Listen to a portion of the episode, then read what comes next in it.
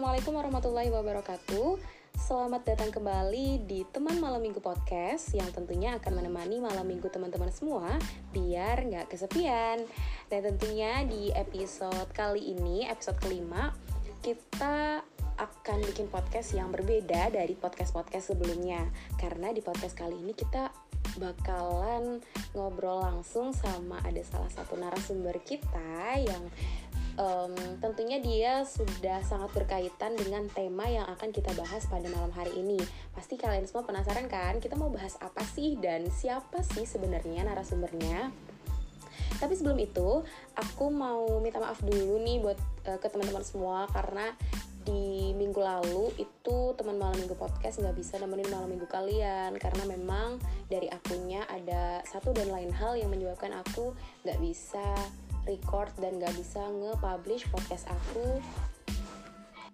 Oke, langsung aja di episode kelima kali ini kita bakal mengambil tema tentang time management. Nah, ini pasti penting banget kan buat kalian semua, uh, karena di zaman yang kayak gini, terus di, di tengah kesibukan kita, time management itu hal yang sangat penting dan sangat krusial untuk dimiliki oleh setiap orang apalagi ya e, seperti kita yang mahasiswa dikejar dengan deadline tugas belum lagi kalau kita punya kegiatan di luar UKM dan lain sebagainya itu pasti akan sangat pasti akan sangat menyita waktu banget dan e, pasti bakalan bingung banget nih mana yang harus dikerjain duluan mana yang harus dikorbanin mana yang harus diprioritasin dan lain sebagainya.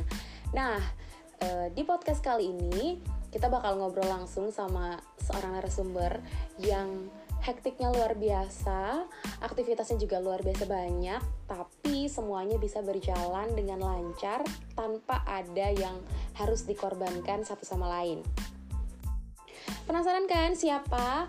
Ini dia narasumber kita yaitu ada Kak Taufik Ramadan.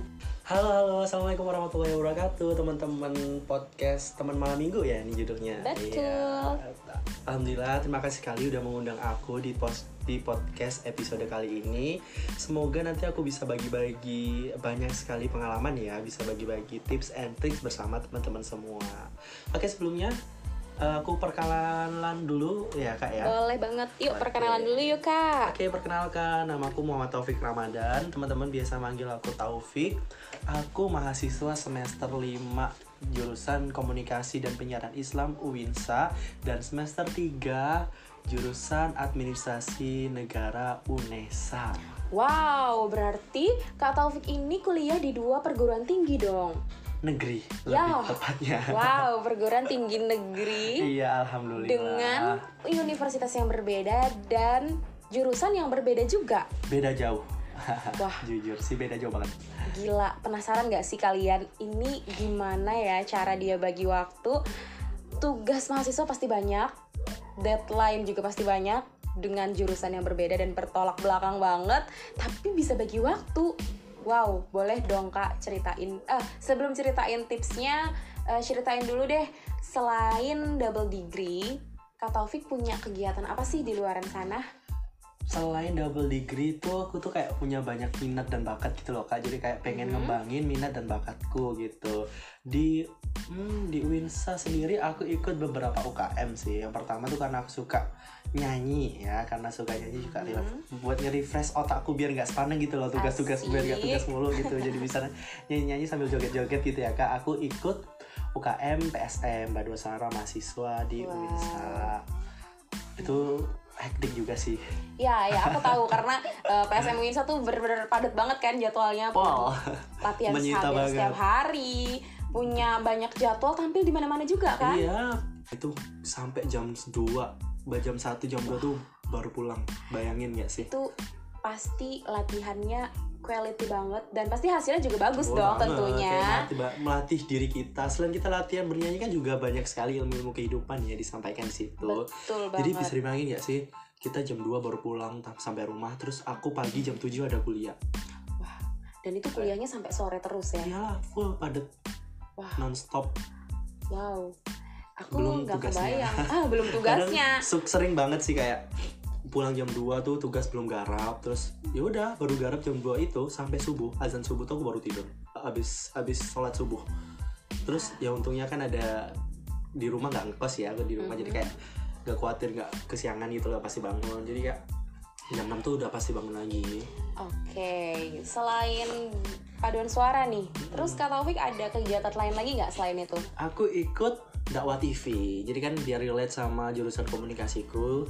Aku ngembangin skillku di dakwah TV ya emang sih nggak jauh-jauh dari bakatku. Ya aku jadi presenter. Jadi jadi di dakwah TV juga ngambil job desknya sebagai presenter gitu. Jadi kan ya buat ngembangin minat dan bakat aja sih di dakwah TV dakwah TV aku juga insya Allah bakal akan diangkat jadi kru tetap. Wow. karena udah magang selama setahun di situ jadi best kapan ya dalam waktu dekat lah ada pelantikan jadi kru tetapnya dakwah TV Oh, ada senior oh nih, iya kayak juga ikut nih senior aku nih. kayak selamat ya baru diangkat jadi kru magang Aduh, ya. malu banget. ayo magang setahun selamat sama kru tetap. harus berproses di dakwah TV keren banget sih emang siap, siap, siap, siap. Bah- mohon bantuannya ya, Bang Jago. oh iya siap dong Terus selain itu ada kegiatan lain lagi nggak? baru-baru ini sih aku ikut ajang perlombaan ikut pigeon gitu alhamdulillah aku kemarin baru terpilih menjadi duta fakultas dakwah dan komunikasi Wow, Insa. salam dulu sama Yeay. senior. ini senior 2019 nih duta berbakat ya Iya, iya, iya, iya, iya. iya jadi alhamdulillah Kak, bakal dibukin lebih sibuk lagi sepertinya dalam satu tahun ke depan karena mengembangkan amanah sebagai duta fakultas dakwah dan komunikasi Yes, congratulations ya Kak Taufik sudah terpilih jadi duta Fakultas Dakwah dan Komunikasi dan Iya tentunya dong. harus bisa nunjukin dan menjadi role model yang baik buat semua mahasiswa FDK tentunya. Nah, terus nih selain kegiatan UKM dan hal-hal di internal kampus, Kak Taufik punya nggak sih kegiatan yang eksternal di luar kampus? Ada nggak? Ah, udah saya kira masih nyambung pertanyaannya Nggak enak banget ya intonasinya ngambang. pemutusannya tidak tepat kamu gimana ayo belajar public speaking lagi Eh, iya, mohon maaf Kak. ya kita lanjut ya jadi ya ada aku selain kampus selain kegiatan UKM dan lain-lain aku ngajar les alhamdulillah kebetulan buat nambahin uang jajan lah ya Hmm. jadi alhamdulillah setiap hari si jadwal ngajarnya masih ngajar les gitu Setiap hari Iya, alhamdulillah. Tapi kayak ya, santai sih, lebih fleksibel sih kalau aku misalnya lagi hektik banget, misalnya ada rapat sampai malam atau ada hal-hal lain gitu ya, aku izin nggak ngajar. Kayak santai, alhamdulillah. Eh, dari eh, orang tua siswaku juga enak gitu. itu dari jam berapa sampai jam berapa sih kak Habis maghrib sampai pokoknya jam dua jam lah, dua jam sampai dua setengah jam gitu. Oke, aku mencoba untuk meng- menyimpulkan timeline ah. eh, daily activity-nya Taufik Boleh, ya. silakan, silakan. Jadi dari pagi nih bangun ya subuh, Mhm, habis subuh eh iya bangun pagi terus jam 7 kuliah mhm. sampai sore sampai Iya. jam 4 atau jam 5. Ah, ah, kadang saya maghrib loh. Kadang sampai maghrib juga kuliahnya di Ah. dua PTN ini. Ya. Terus habis maghrib lanjut lagi ngajar, ngajar les. les. kadang nggak pulang kadang dengan uh, kostum kostum kampus lagi cruel apa sih lagi kumus kumusnya Oh, langsung ke rumah rumah muridku buat ngajar wah. Terus ngajar dua setengah jam, Ah, dua sampai dua setengah jam. iya. Dari habis maghrib sampai jam 9 ya kadang And then setelah ngajar, kalau misal ada latihan padus atau ada kegiatan, itu langsung ke langsung kampus ke kampus lagi. lagi Wow. Nggak pulang. Kayak sebenarnya deket dari rumah muridku ke rumah tapi kayak bakal buang waktu gitu gak sih? Iya, dan aku di- pastinya bakal mager nggak sih kalau Iya dari rumah? benar-benar Karena aku juga diteleponin gitu sama anak-anak Mm, padus Ayo cepetan sini udah terlambat. Bapaknya udah dateng udah latihan bla bla kayak terpacu gitu adrenalin. Jadi kayak males pulang aja langsung aja dari tempat ngajar langsung tancap gas ke tempat padus karena aku nggak mandi kadang juga aku mandi di masjid tau Wah, ketahuan nih. Kak, Ketahuan nih. Kak Taufik sering nggak mandi kalau padus? enggak aku mandi di di, di masjid mohon maaf Wow, saking ininya banget ya memperjuangkan semuanya biar nggak keteteran Iya sampai dong. mandi di masjid, sampai nggak mandi, sampai nggak pulang, sampai nggak istirahat. ya Mantep mantep. harus totalitas sih kalau aku tuh Ah, ah. aku ya prinsipku kalau udah nyemplung kalau udah sudah sekalian. man air ya udah basah sekalian mandi sekalian kayak nggak nggak mau nanggung nanggung gitu loh Hmm. karena aku modelnya kan orang yang perfeksionis kayak semua itu harus dilakukan dengan baik dan runtut dengan terselesaikan dengan sempurna gitu loh kayak ya auto aja walaupun aku awalnya tuh nggak niat tapi kalau udah terlanjur masuk ya pasti aku bakal totalitas di situ Betul betul. Nah, di paduan suara sendiri kan gak cuman ada latihan doang, tapi juga pastinya ada uh, rapat-rapat, entah itu kepengurusan ataupun kepanitiaan. Yang mana kegiatan ini tuh pasti sampai uh, tengah malam, bahkan lewat dari tengah malam. Setelah itu, kalau kamu ada deadline, tugas, dan lain sebagainya, kamu masih ngerjain nggak sih di tengah malam itu? Iya sebenarnya sih kadang aku kalau misalnya deadline-nya itu banyak banget itu lagi latihan tuh bisa sambil di ngarap tugas gitu loh kak. Jadi kayak kan kita ada empat suara. Jadi pas suara sopran latihan aku kan bass kan ya. Bass tuh sambil tak garap tugas sambil laptopan bener-bener tak cicil gitu loh. Dan kalau bener-bener nggak siap nggak selesai pas latihan ya mau nggak mau sambung lagi sampai sampai bener-bener selesai tugasnya Oh my god. Terus waktu istirahatnya tuh kapan? Kayak hampir 24 jam nonstop. Uh, ada aja gitu kegiatan yang kamu laksanain, yang kamu lakuin. Terus apa ya? Gimana caranya kamu membagi waktu untuk kamu istirahat dan kamu me time dengan uh, dari kesibukan-kesibukan kamu?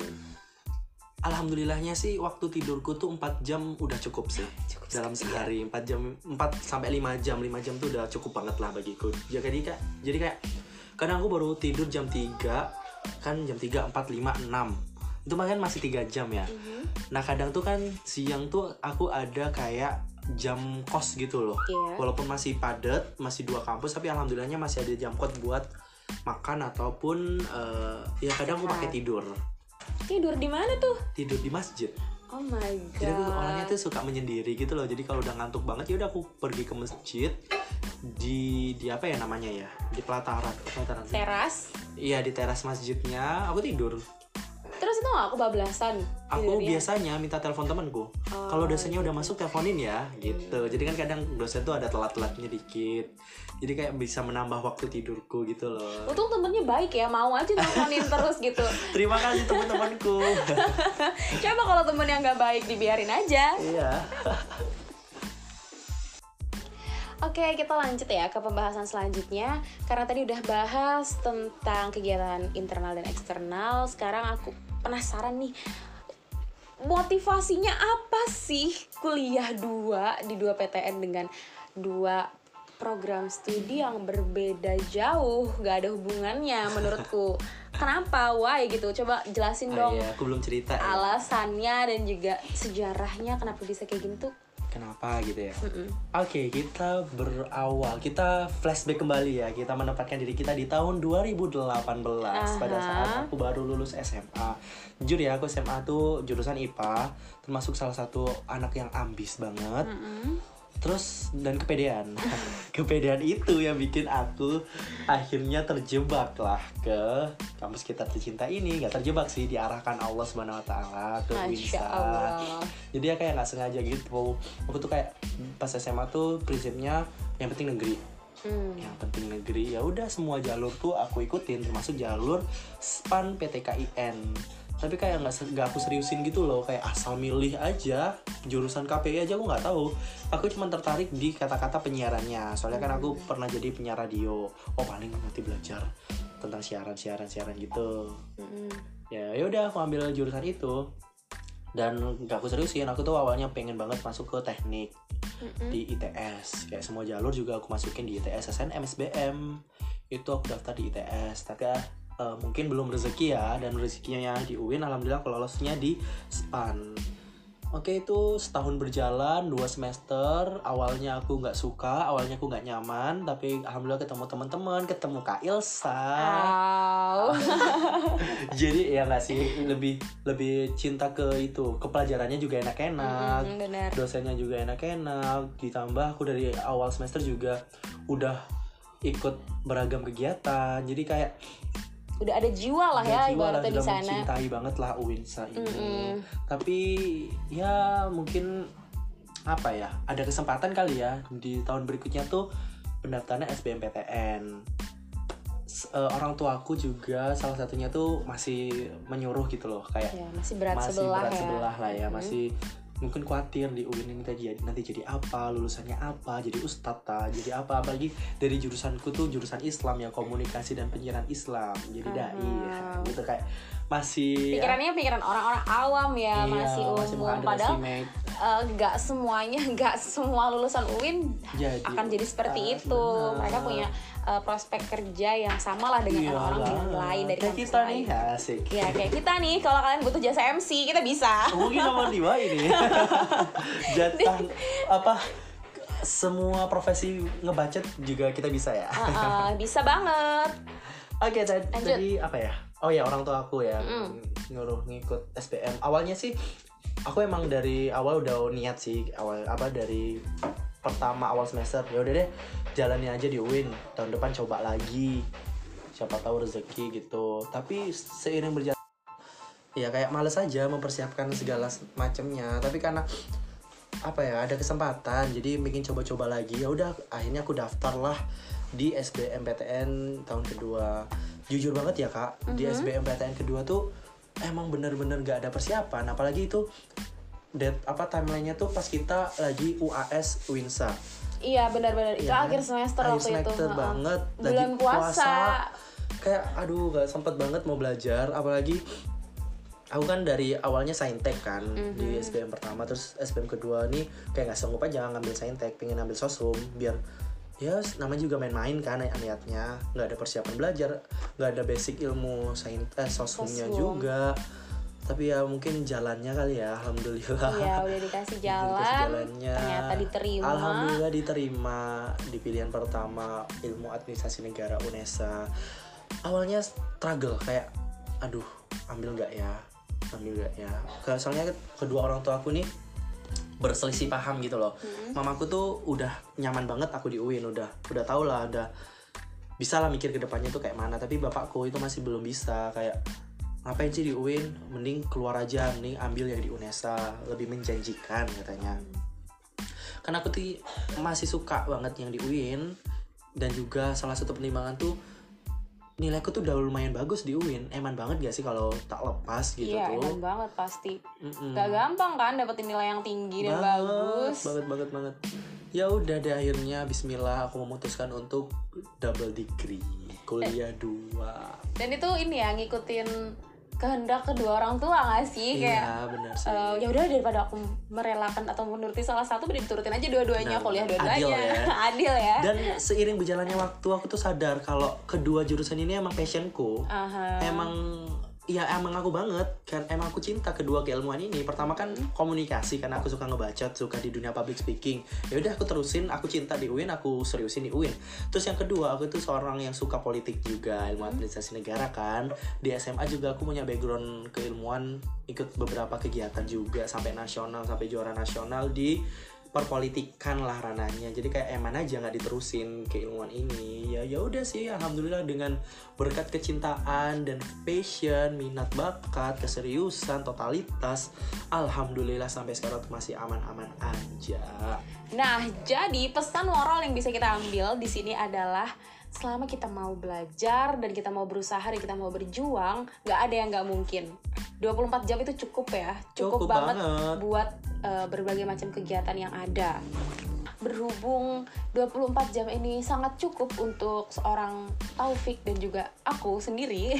iya nih kita dari tadi bahas aku mulu ya kayak saya sendiri juga Iya, luar biasa tanya, sekali ditanya dong. dong. aduh menjabat apa aja nih kak Elsa ya kayaknya organisasinya tuh banyak banget organisatoris banget nih orangnya. Bisa cerita nggak kak? Kira-kira ikut UKM apa aja ikut organisasi apa aja menjabat sebagai apa aja nih? Apa ya, Ya, aku? Aku kita mah harus- apa? Mana? Ayo kita banding bandingin nih sibukan mana kita nih? Aku atau kamu? Tentang aku tentang. oke ya langsung aja. sih. Em, sekarang aku lagi apa ya? Aku ikut sama paduan suara juga. Hmm, masuk di kepengurusan juga eh, di salah satu divisi terus aku juga barusan jadi kru magang di dakwah TV terus apa lagi ya? Ah di Hima Prodi juga. Oh dia aku aku aja kalah loh nggak bisa nggak pernah ikut HMP loh gila gak sih? Iya sekarang aku sekretaris uh di BPH lagi. Sekretaris di Hima Prodi. Terus apalagi ya Eh, di himpunan mahasiswa Kalimantan Tengah Surabaya Baru menang nih guys. Iya, eh, dapat kesempatan dan kepercayaan buat jadi ketua umum himpunan Wow. mahasiswa Kalimantan Tengah Surabaya. Ayo tepuk tangan dulu, tepuk tangan. Kalah nih kayaknya tuh. Eh, terus apa lagi ya? Oh ya, barusan juga dilantik jadi wakil ketua Alastra. Apa tuh? Kamu baru tahu? iya, karena itu emang baru banget dilantiknya. Eh, Alastra alumni GIPS dari Tokwala jadi tuh Hmm. apa ya eh, organisasi yang menaungi alumni alumni dari SMA ku dulu gitu Oke oke terus terus pigeon pigeonan Oh, iya. banyak kayaknya anda ya. Iya, aku juga sekarang masih belum ganti jabatan nih gara-gara covid gak bisa penyerahan jabatan eh, di wakil satu di yang pariwisata Wow. tingkat kabupaten. Terus Apa tuh diang tuh? di yang itu Duta. Iya, seperti Ah. duta wisata di daerah masing-masing.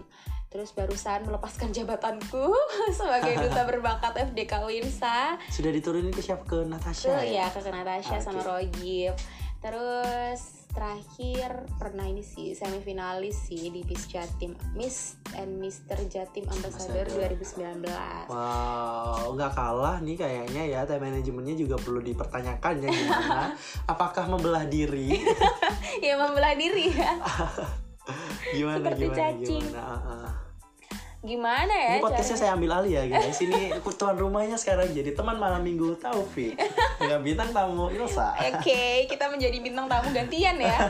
Oke, oke.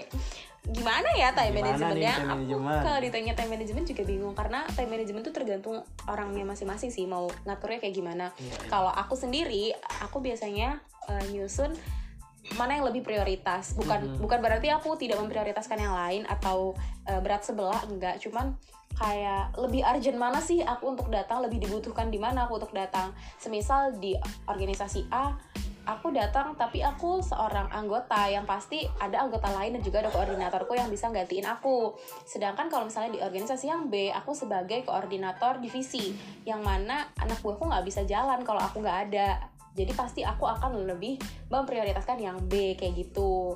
Eh, jadi aku ngeliat dari tingkat kearjenannya sih. Dan kalaupun itu di waktu yang berbeda itu aku nggak perlu mengorbankan salah satu. Tapi kalau itu di waktu yang sama cari yang paling urgent dan paling ini tadi terus apa lagi Nyusun ya skala prioritas ya. Jadi Iya. nggak cuma ilmu ekonomi aja yang butuh skala prioritas. Mm-mm. Time management juga butuh, Butuh sekali. skala Skala prioritas prioritas gitu. Terus apa lagi? terus apa lagi ya Hmm, em, kalau aku sendiri ya selama aku masih bisa membelah diri membagi badan aku ke seriwariwi satu tempat ke tempat yang lain aku Why not? bakal Eh, eh, Kita why bakal not? ngesampin waktu istirahat nggak sih? Kita Eh, eh. oh ada waktu setengah jam nih buat nyamperin organisasi ini ya wes lah samperin samperin aja dulu tuh ya aku pernah eh, ngalamin dalam satu waktu itu ada tiga kegiatan ingat nggak sih dulu eh, aku ada rapat di organisasi A nah di organisasi A ini aku lagi rapat terus di eh, kepanitiaan B itu juga lagi ada rapat. Dan di organisasi C itu lagi latihan. C ini paduan suara ya lagi ada latihan. Nah eh, yang A ini itu dimulai dari setengah tujuh. Mhm, terus yang B juga dimulai setengah tujuh. Mhm. Padus juga dalam tujuh. waktu yang sama serentak gitu. Ya udah akhirnya aku mikir "Eh, oke aku datang dulu nih sekarang ke yang A dulu. Karena emang undangannya A ini untuk ngajak rapat itu lebih dulu daripada yang lain. Oke aku datang ke yang A.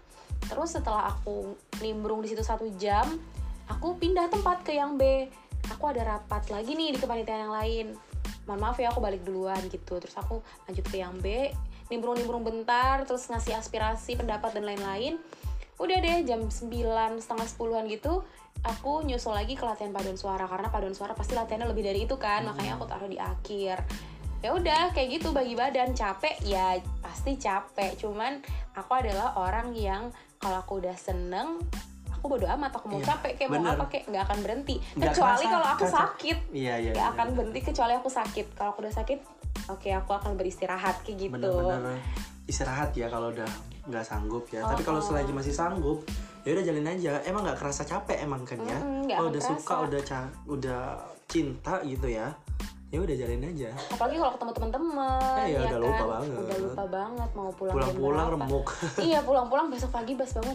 Ya ampun capek banget aku nyesel tadi malam nongkrong nongkrong kayak gitu. Mending aku istirahat tapi tetap aja kayak gitu diulang-ulang. Setiap hari lagi ya every day. Gitu ya ternyata manajemen waktunya dari Kak Ilsa ya Mm-mm. Hebat.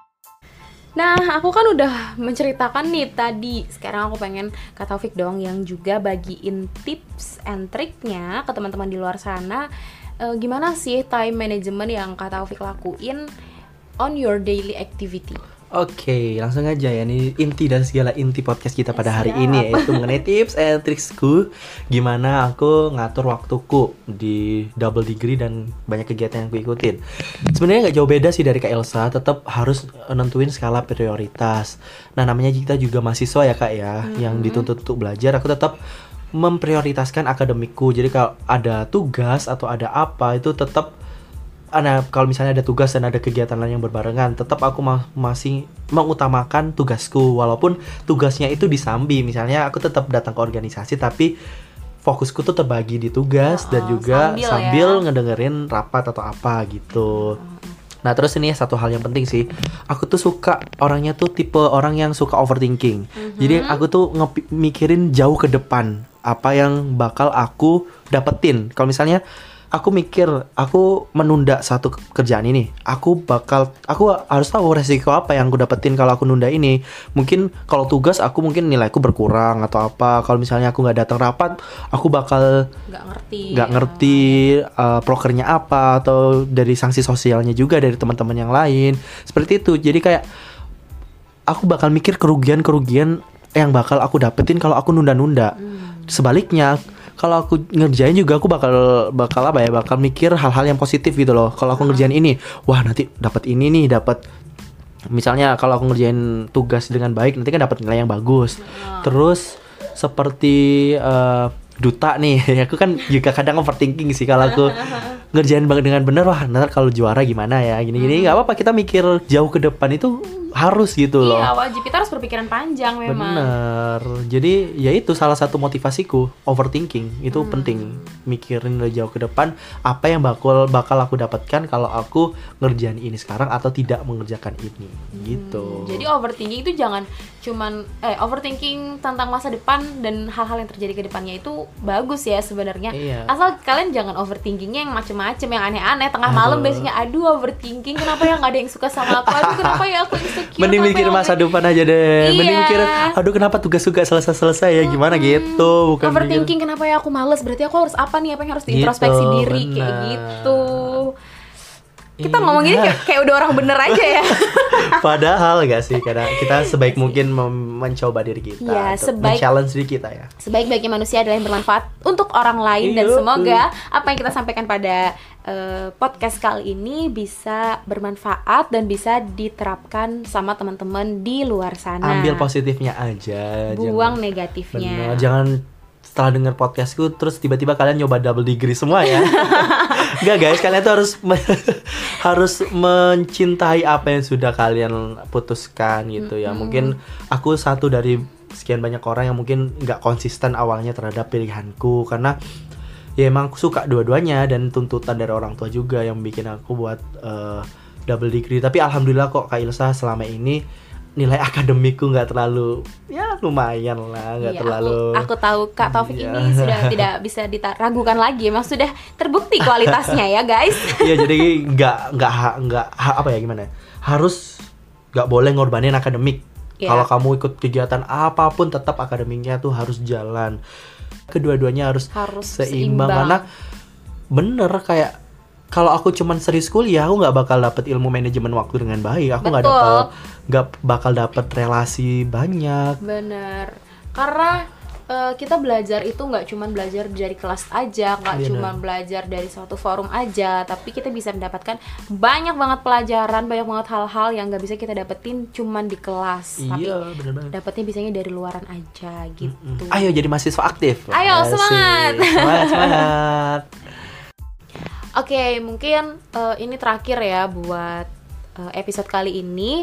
aku pengen Kak Taufik kasih ini dong apa ya uh, motivasi mungkin untuk teman-teman yang dengar di luar sana supaya mereka bisa lebih semangat dan bisa lebih gampang dan lebih mudah lagi untuk mengatur waktu mereka. Iya, buat teman-teman semua yang dengerin podcast podcast ini, terutama khususnya bagi teman-teman mahasiswa, aku mau ngasih motivasi ini buat kalian, buat ayo kita sama-sama belajar, kita sama-sama berusaha, karena nggak ada yang nggak mungkin buat kita. Segala sesuatu tuh mungkin banget kalau kita mau berusaha, kalau kita mau totalitas. Kalau kalian udah memutuskan satu kegiatan atau satu apa ya sudah memutuskan di satu bidang ya udah seriusin itu semua, seriusin bidang itu karena uh, karena kalau kita udah um, totalitas apa ya aku jadi bingung di sendiri. Ini kalau kita udah sudah totalitas sudah seriusin hal-hal uh, yang kita suka itu yeah. pasti kita akan selalu berusaha bener, gimana bener, caranya bener, kita bisa um, apa? Ngikutin itu terus gitu alurnya kan. gitu uh, uh, selalu ngikutin alurnya gitu. Benar gak sih kak? Iya benar banget. Ya udah pokoknya kalian tuh harus totalitas dalam ngelakuin sesuatu jangan setengah-setengah. Ikut prinsipku kalau kalian tuh udah main air kalian tuh udah nyeb itu main air udah main kaki ya udah sekalian nyebur sekalian mandi nggak boleh setengah-setengah harus totalitas. Terus satu hal kalian tuh apa ya overthinking itu perlu. Karena harus mikirin sebab kalian uh, tidak melakukan sesuatu atau kalau kalian melakukan sesuatu karena itu kan bisa jadi motivasi buat kalian buat terus buat terus uh, apa ya produktif lah gitu. Misalnya kak kak Elsa ini bikin podcast tuh dia termotivasi bikin buat bisa produktif buat bisa terus berkarya di dunia uh, per public speakingan ini gitu. Jadi totalitas dan juga harus mikir ke depannya tuh seperti apa dan bagaimana. Itu aja Oke, terima kasih banyak Kak Taufik atas uh, cerita-ceritanya. Terus udah berbagi tips juga sama kita-kita. Semoga apa pun yang tadi disampaikan itu bisa diambil sisi positifnya dan dibuang aja negatifnya. Dan juga yang bisa aku simpulin dari perbincangan kita pada podcast kali ini itu eh, selama kita mau berusaha, kita mau belajar itu pasti semua yang kita inginkan itu pasti bisa tercapai. Dan juga kalau kita udah um, serius sama satu hal ya udah seriusin satu hal itu tapi emang yang bener-bener kalian um, minati dan kalian cintai hal tersebut. Uh, mungkin untuk podcast kita di episode kelima kali ini sampai di sini dulu Uh, semoga teman-teman terhibur dan bisa memberikan inspirasi buat teman-teman dari apa yang kita sampaikan. Kurang lebihnya kita mohon maaf banget dan terima kasih sudah mendengarkan. Sampai jumpa di Teman Malam Minggu Podcast minggu depan. Terima kasih. Wassalamualaikum warahmatullahi wabarakatuh. See you.